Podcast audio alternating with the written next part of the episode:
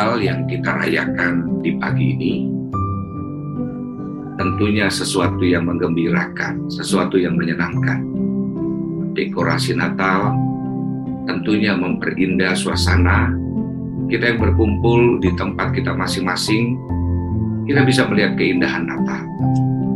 Di mana-mana saat ini kita berkunjung, suasana dekorasi Natal menghiasi sehingga suasana sukacita menggembirakan bukan cuma kita yang bisa merasakan orang-orang yang tidak di dalam kekristenan pun merasakan suasana Natal.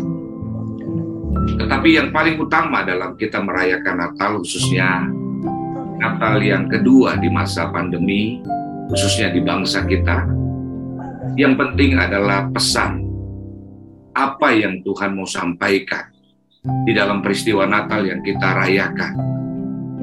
Karena setiap tahun kita merayakan Natal, dan ini artinya anugerah. Kalau kita bisa tetap merayakan di tahun ini, berarti Tuhan memberikan kesempatan untuk kita tetap ada. Tapi apa yang Tuhan mau waktu kita bisa merayakan Natal? Sebagaimana Maria, sebagaimana Yusuf, sebagaimana para gembala, mereka menerima pesan dari Tuhan lewat malaikatnya. Begitu juga dengan orang majus mereka juga menerima pesan dengan cara Tuhan menghadirkan bintang. Dan kita tahu bahwa jauh sebelumnya para ahli Taurat, imam, mereka pun menerima pesan. Lalu waktu orang majus mendatangi raja, mereka pun menerima pesan. Begitu juga Herodes. Tetapi dua kelompok yang berbeda, satu menerima, tetapi kelompok yang pertama ketika mendapatkan pesan, mereka taat dan mereka mendapatkan kemuliaan. Begitu juga bagaimana gembala waktu menerima pesan, dia tetap menerima lalu akhirnya menyampaikan pesan, menyembah kepada Yesus Sang Juru Selamat. Majus juga sama. Mereka mendengar bahwa dia mereka tahu bahwa akan lahir jurus uh, raja dan waktu mereka melihat seorang bayi yang tidak di istana tetapi mereka tetap menyembah. Artinya, ada kelompok orang yang menerima pesan, responnya pun dia menyembah, dia menceritakan, bersaksi tentang Tuhan. Tetapi ada yang juga menerima pesan, tetapi hatinya keras. Herodes marah bahkan merancangkan yang jahat.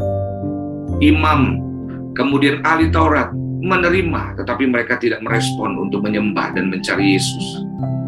Di hari ini, waktu kita merayakan Natal, ada pesan yang kita akan terima bersama lewat firman Tuhan yang akan disampaikan.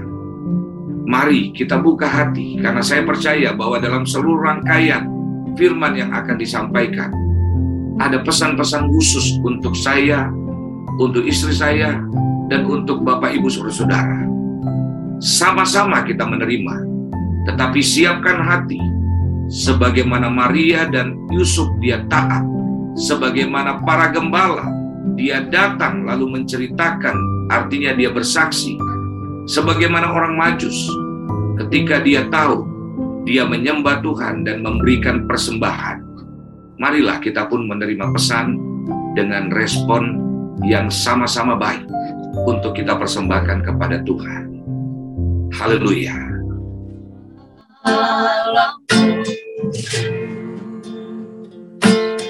Sunyi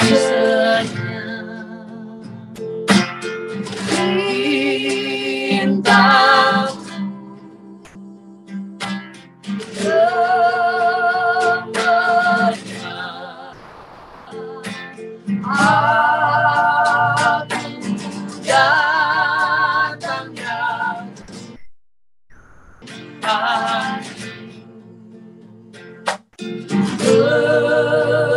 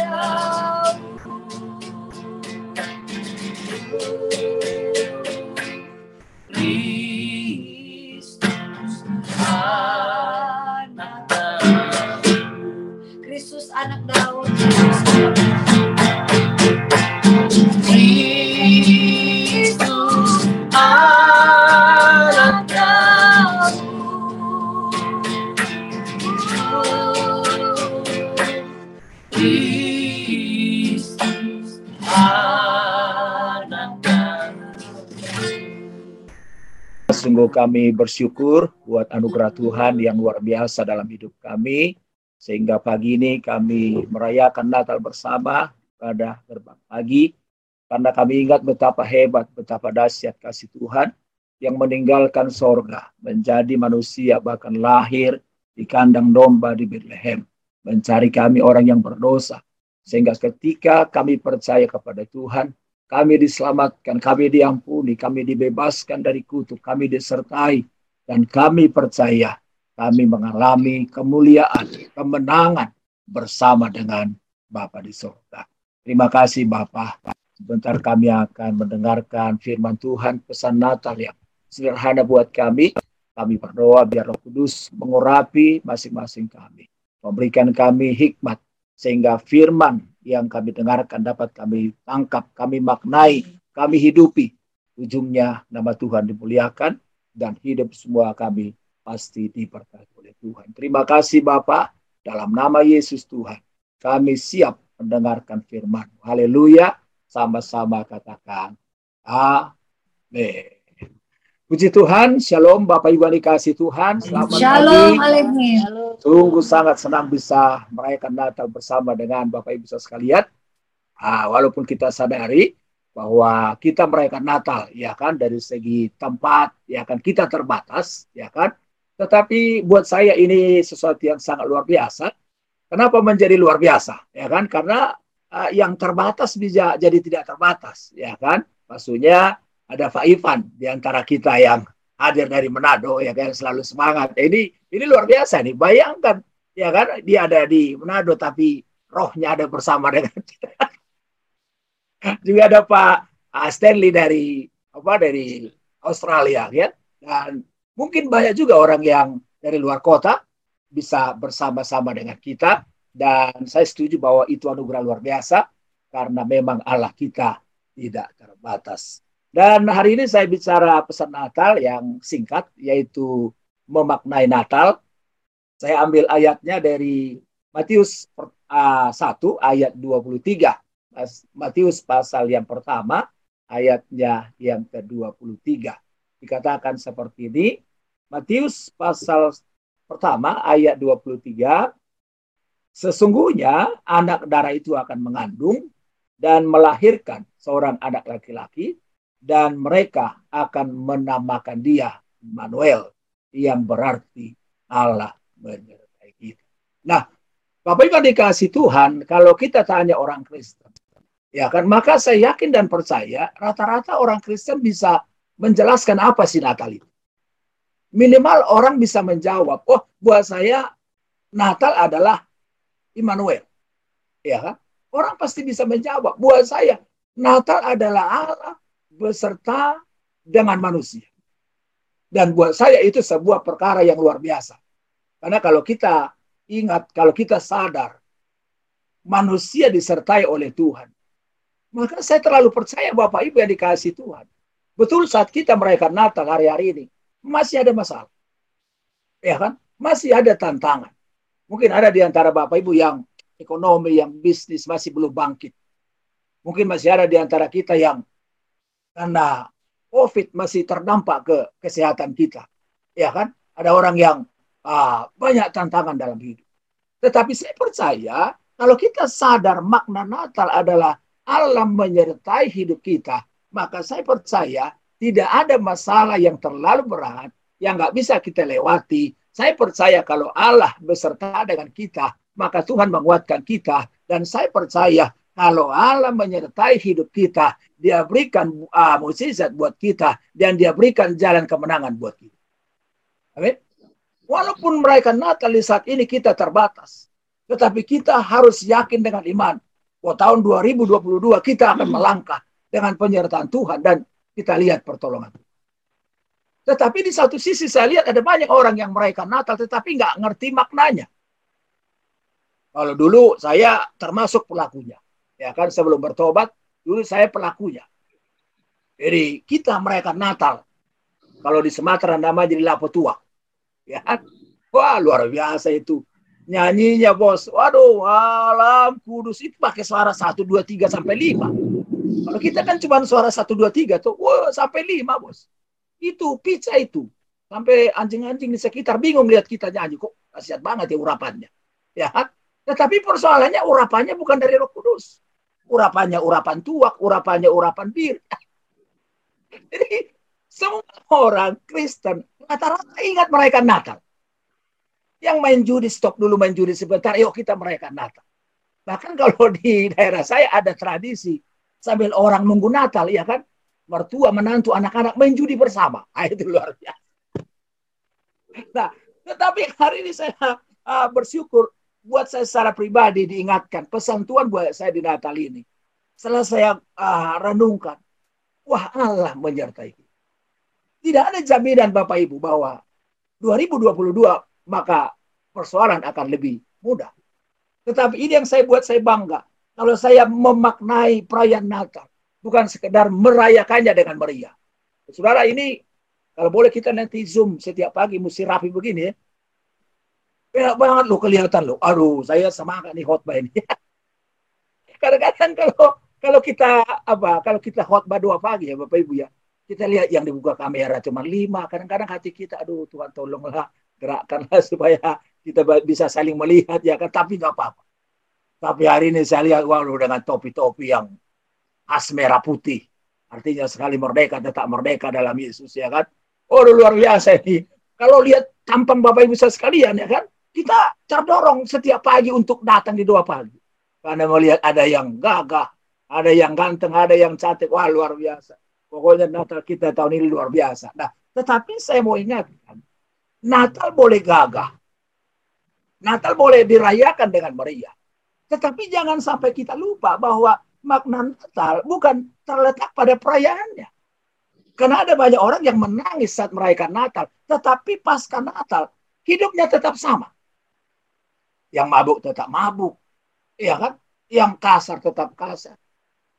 Yang wah hidupnya asal-asal tetap asal-asalan. Nah, tetapi buat saya merayakan Natal yang berhasil adalah apa pun situasi kita merayakan Natal itu nggak terlalu penting.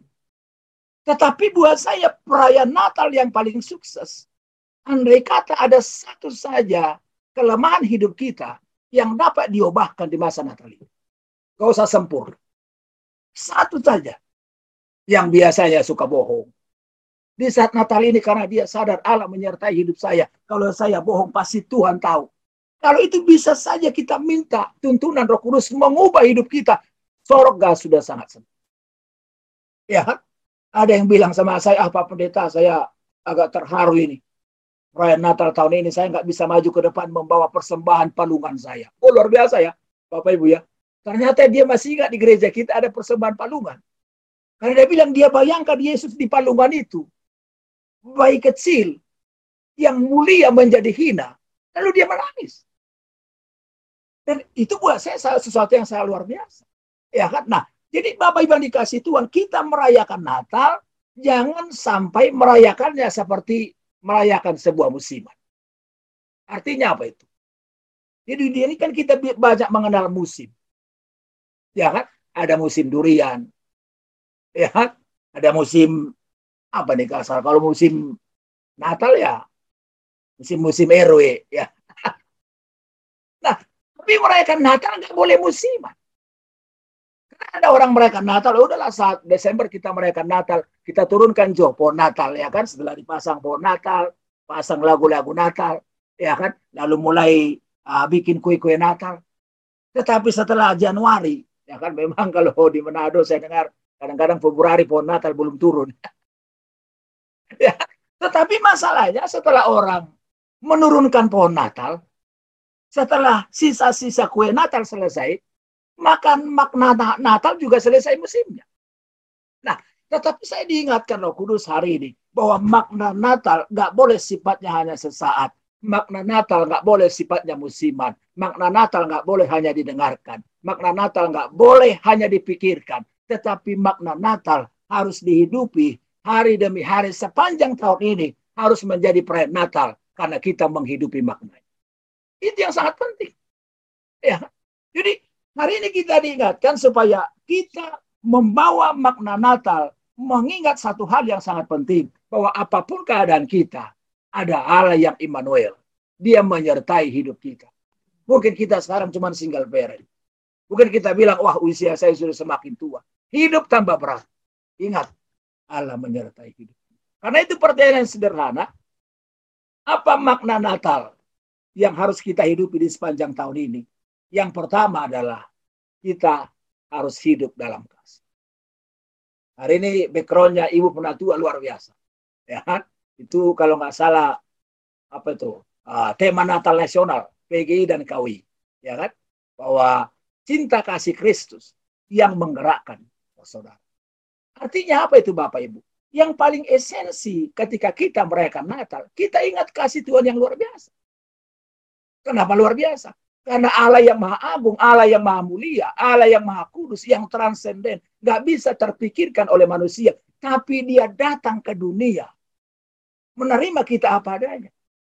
Kita mesti selalu renungkan kalau kita diselamatkan itu bukan karena kita hebat. Bukan karena kita punya jasa. Bukan karena kita layak karena pelayanan kita. Tetapi sesungguhnya adalah karena kita dikasih oleh Tuhan. Jadi buat saya, kalau disebut Immanuel, berarti kita ingat Allah mengasihi kita. Dan ingat kasih Tuhan buat kita bukan hanya saat Natal. Karena Yesus bilang, aku tidak membiarkan engkau menjadi yatim piatu. Artinya apa? Tuhan nggak pernah membiarkan kita sendiri. Bahasanya dia menggendong hidup kita. Dia pegang tangan kita. Alkitab bilang, aku tidak membiarkan engkau yatim piatu. Tetapi aku memberikan bagimu seorang penolong yang lain. Jadi jangan sampai kita euforia pada saat Natal. Tetapi kita lupa bahwa setelah Natal pun Tuhan Yesus melalui roh kudus menyertai. Hanya masalahnya kadang-kadang kehidupan kita sehari-hari hidup terlalu berat. Kita lupa ada roh kudus bersama. Suara pengalaman saya berjalan dengan roh kudus sungguh luar biasa. Seorang yang bisa mendengarkan suara, suara roh. Dan punya kepekaan dengan pimpinan Tuhan. Itu akan mengalami sesuatu yang sangat luar biasa. Jalan-jalannya tidak akan pernah sama. Berarti yang pertama, apa makna Natal buat kita yang kita ambil temanya adalah Immanuel. Berarti yang pertama, kita harus ingat, saya dikasih Tuhan. Apa pun keadaan saya, apa pun keadaan kesehatan saya, sekalipun mungkin keluarga uh, menghina saya, sekalipun mungkin keluarga tidak memperhitungkan saya, tapi ingatlah, Allah memperhitungkan. Karena itu pesan Natal yang pertama adalah, sebagai uh, pengikut Tuhan, maka kita Jangan hanya merayakan Natal, tetapi kalau Paulus bilang, karena kasih Kristus menguasai kami. Berarti orang yang merayakan Natal dengan benar, bukan dilihat berapa banyak hadiah yang dia dapat. Wih, saya dengar nih, terbang pagi, Natalnya ini banyak hadiah katanya ini, hari ini. Ya, ada kulkas dua pintu. Nah, tetapi bukan itu yang lebih penting. Yang lebih penting adalah yang menguasai kita bukan hadiahnya. Yang menguasai kita bukan berkatnya. Tetapi yang menguasai kita adalah kasih Tuhan. Sehingga kita menjadi saluran kasih Tuhan kepada orang-orang di sekitar kita. Kepada saudara-saudara kita.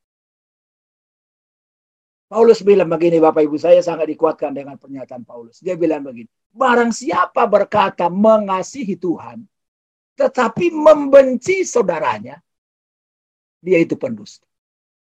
Ini apa Bapak Ibu? Kalau kita memperingati Natal, berarti dengan kasih Tuhan, kita membereskan hal-hal yang melukai hati kita.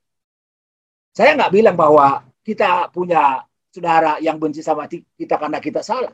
Bisa saja saudara kita yang salah kepada kita. Tetapi di musim Natal ini, kita dengar suara dari sorga. Ya kan, kemuliaan bagi Allah di tempat yang maha tinggi. Dan damai sejahtera di antara umat yang berkenan. Yang kedua, apa makna Natal yang kita bahas Immanuel hari ini? Yang kedua adalah itu berbicara tentang hidup dalam kerendahan. Saudara Natal bukan sekedar kita lihat bayi yang ada di Palungan ini. Tetapi Natal bicara bagaimana dahsyatnya Allah mengosongkan diri. Yesus merendahkan diri, membatasi dirinya. Sehingga dia lahir menjadi manusia biasa. Dia merasakan setiap penderitaan-penderitaan. Makanya Natal ini tidak boleh dipakai sebagai ajang untuk membanggakan diri. Ya kan? Karena ada sebagian orang, oh Natal gereja gua dong paling hebat. Oh, itu mengeluarkan biaya 7 miliar. Di stadion yang paling besar. Oh Natal gua dong paling hebat. Oh Natalnya terbuat dari emas. Kalau itu habis semua, ntar setiap jemaat foto diambil satu daun tuh. Nah, tetapi buat saya, yang harus kita ingat adalah, kalau kita memperingati Allah yang Immanuel, itu bicara soal Allah yang maha mulia, Allah yang merendahkan diri supaya dia bisa menjangkau hidup. Karena itu Bapak Ibu, kalau kita merayakan Natal, yang harus kita tanya sama Tuhan, Tuhan, masih ada nggak kesombongan yang masih terus berjalan dalam hidup? Atau kita mesti evaluasi. Tahun kemarin mana gue lebih bahasanya lebih rendah hati daripada zaman. Ya kan? Karena saya percaya Bapak Ibu, orang merayakan Natal tanpa sikap kerendahan hati, maka tidak pernah melihat kemuliaan Tuhan. Tetapi kalau orang merayakan Natal disertai dengan kerendahan hati, disertai sikap yang hanya mengandalkan Tuhan, karena dia disertai oleh Tuhan, saya percaya Alkitab bilang, orang yang rendah hati akan ditinggikan oleh Tuhan. Itu sebabnya di saat Natal ini, kalau kita mengalami situasi yang sulit, ya kan, mungkin tidak diperhitungkan, jangan kecewa merendahkan diri saja kepada Tuhan. Karena kalau Allah saja sudah merendahkan diri, lalu dia menyertai kita. Dia merendahkan diri tujuannya supaya dia bisa mengangkat kita. Saya percaya Bapak Ibu, orang-orang yang merendahkan diri dalam hidupnya, kita nggak bisa batasi. Karena Tuhan yang bilang, orang yang merendahkan diri, pasti akan diangkat oleh Tuhan. Yang ketiga, apa makna Natal melalui tema kita Immanuel hari ini? Yaitu saya perhatikan bahwa hidup kita harus dalam sukacita yang Malaikat berkata kepada orang-orang majus. Saya lupa orang majus kah, Pak Gembala kah? Ya. Tapi ayatnya bilang begini. Hari ini aku memberitakan kepadamu kesukaan besar. Berarti Natal itu bukan soal apa yang kita dapat yang membuat kita bersukacita. Natal bicara bagaimana Yesus lahir yang membawa sukacita besar dalam hidup kita. Saudara, kita bersukacita bukan karena apa yang kita punya. Tetapi hari ini kita ingatkan, kalau kita selalu pandang Tuhan, kalau kita selalu ingat ada Allah yang menyertai hidup saya, saya yakin di atas tekanan hidup kita, kita bisa bersukacita. Amin. Paulus mengalami hal itu. Sukacita orang Kristen bukan berarti tidak ada masalah. Justru sebaliknya orang Kristen yang sejati ada masalah, ada tantangan, ada persoalan, tapi dia tetap bisa bersuka cita. Kenapa? Karena dia percaya Allah memberikan kekuatan. Ini dialami oleh Paulus. Paulus sedang ada dalam penjara ketika dia menulis surat Filipi.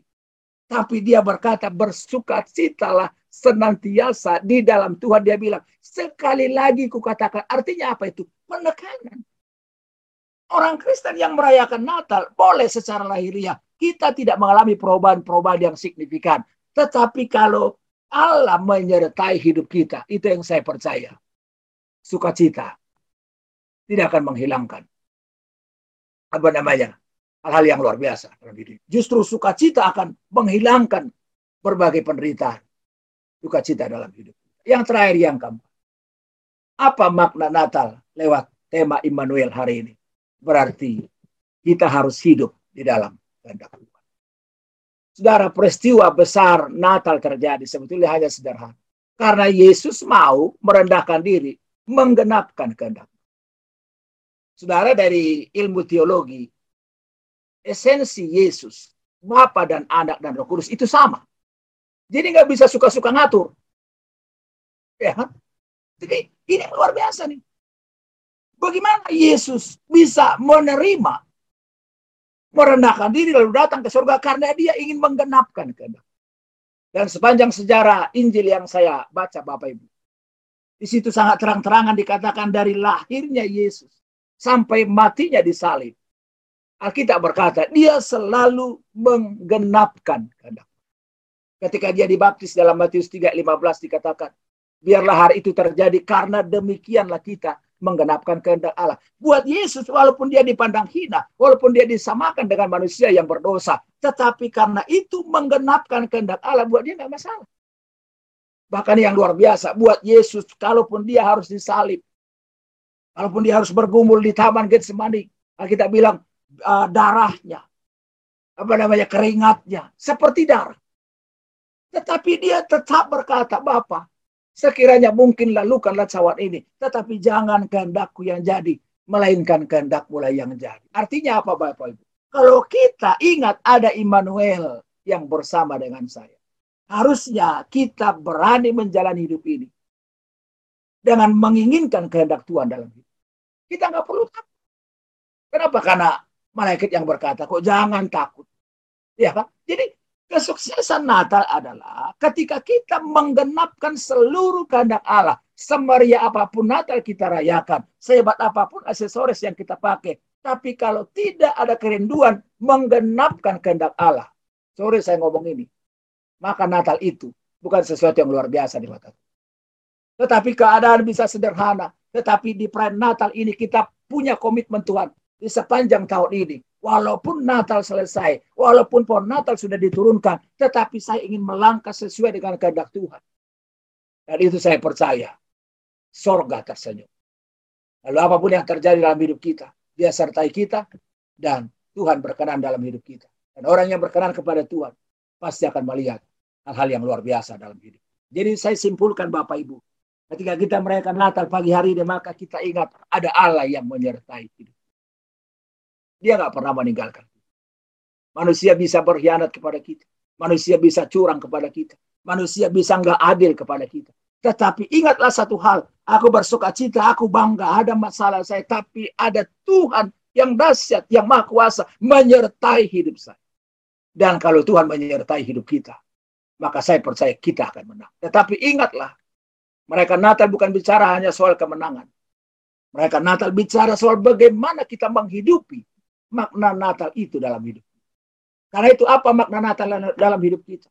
Yang harus kita hidupi setelah kita selesai merayakan Natal ada empat. Yang pertama, ingatlah harus hidup dalam kasih.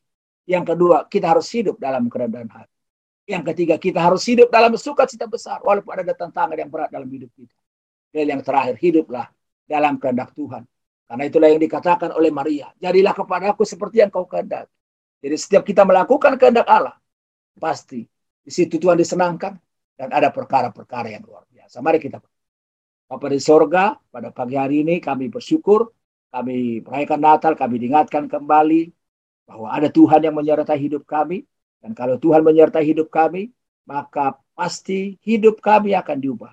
Itu sebabnya di sepanjang tahun ini, mulai hari ini, kami berdoa biar roh kudus yang menyertai kami, memimpin kami, memberikan kami hati yang peka, yang dengar-dengaran terhadap suara roh. Sehingga setiap saat, setiap hari kami menghidupi makna Natal. Nama Tuhan dimuliakan dan kami terlalu percaya. Di mana pun Tuhan dimuliakan, maka di situ doa akan didengar. Maka di situ mukjizat akan dinyatakan. Tuhan mengenal hidup kami masing-masing ya Tuhan. Kalau kami punya kekurangan, kalau kami punya kelemahan, kalau kami masih ada dosa yang tersimpan dalam hati kami. Kami berdoa. Tuhan yang mengubahkannya. Tuhan yang memulihkannya. Sehingga kami bangkit kembali dengan satu tujuan. Hidup kami hanya untuk menyenangkan hati. Tuhan tahu setiap pergumulan persoalan kami. Dan kami berdoa ya Tuhan. Biar kiranya Tuhan yang memberkati kami. Tuhan yang membuka jalan. Tuhan yang menolong kami. Sehingga setiap anak-anak Tuhan melangkah bersama dengan Tuhan. Kami punya kesaksian. Tahun-tahun ke depan. Kami akan melihat kemuliaan kuasa Tuhan bekerja dalam hidup. Terima kasih Bapak. Dalam nama Yesus Tuhan. Kami berdoa dan bersyukur. Haleluya. Amin.